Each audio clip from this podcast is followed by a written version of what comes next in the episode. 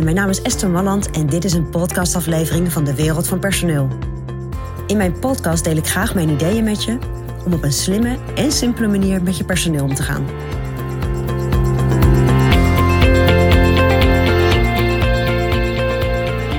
Nou, waarschijnlijk, ik weet bijna wel zeker, gebruiken medewerkers binnen jouw bedrijf natuurlijk middelen die jij beschikbaar stelt. Bedrijfsmiddelen, zodat ze hun werk goed kunnen doen. Ja, en dan weten we natuurlijk allemaal de laptops en de bedrijfsauto's en de telefoons. Maar het kan ook gaan om bijvoorbeeld een camera of gereedschap of bedrijfskleding. Ja, ik zou je willen adviseren om op het moment dat jij bedrijfsmiddelen uitgeeft, om daar ook gebruikersovereenkomsten voor te maken. En daar zitten eigenlijk twee hele grote voordelen aan. En het ene voordeel is heel duidelijk. Een gebruikersovereenkomst zorgt natuurlijk gewoon dat je goed met elkaar afspreekt. Je kan het op die manier gebruiken. En uh, je hebt die mogelijkheden. Binnen die kaders kan je er gebruik van maken.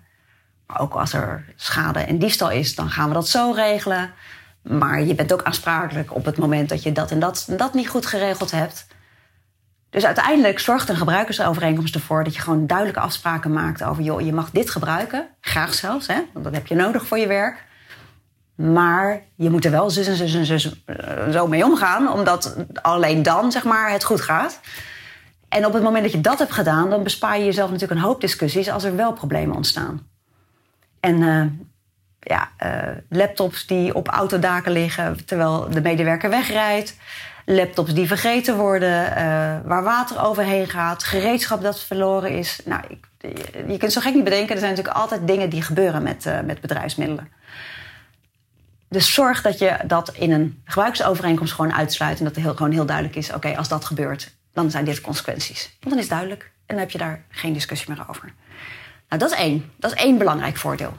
Maar een ander belangrijk voordeel, en dat wordt toch denk ik vaak niet helemaal gezien, is dat op het moment dat jij gebruikersovereenkomsten maakt, het vanzelfsprekend ook logisch is dat je al die informatie bij elkaar brengt. Dus dat je per medewerker bijhoudt, oké, die heeft dit, die heeft dat, die heeft zus en die heeft zo.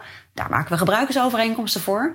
Maar als je dat in één groot goed bestand zet, dan kun je daar ook serienummers in kwijt. Data waarop dingen vervangen moeten worden of onderhoudsbeurten nodig hebben of gekeurd moeten worden, bijvoorbeeld in, uh, bij gereedschap. Dus op het moment dat jij alles bij elkaar veegt en al de bedrijfsmiddelen die jij overgehouden hebt uitstaan, goed, goed in beeld hebt en een goed document hebt waar dat allemaal in terug te vinden is, ja, dan helpt je dat natuurlijk ook op het moment dat een medewerker uit dienst gaat en dingen weer moet inleveren. Maar het helpt je ook op het moment dat je een vraag krijgt of je administratie een vraag krijgt. Van joh, om welk kenteken gaat het? Dat staat dan gewoon in dat document. Dus het heeft ook een enorm voordeel om dat goed te administreren.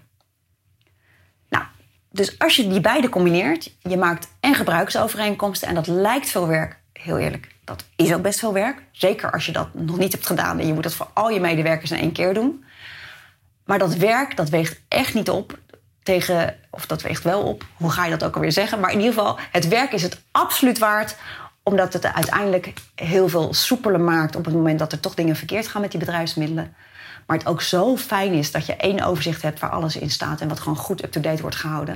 Want je hebt in één overzicht heb je alle informatie over alles wat je medewerker thuis heeft of waar die gebruik van maakt. En nou ja, zoals ik al eerder zei. Dus ik denk dat dat een, uh, een hele goede stap is om dat in gang te gaan zetten als je dat nu nog niet uh, goed geregeld hebt. Nou, dat is mijn persoonlijk advies vanuit de wereld van personeel.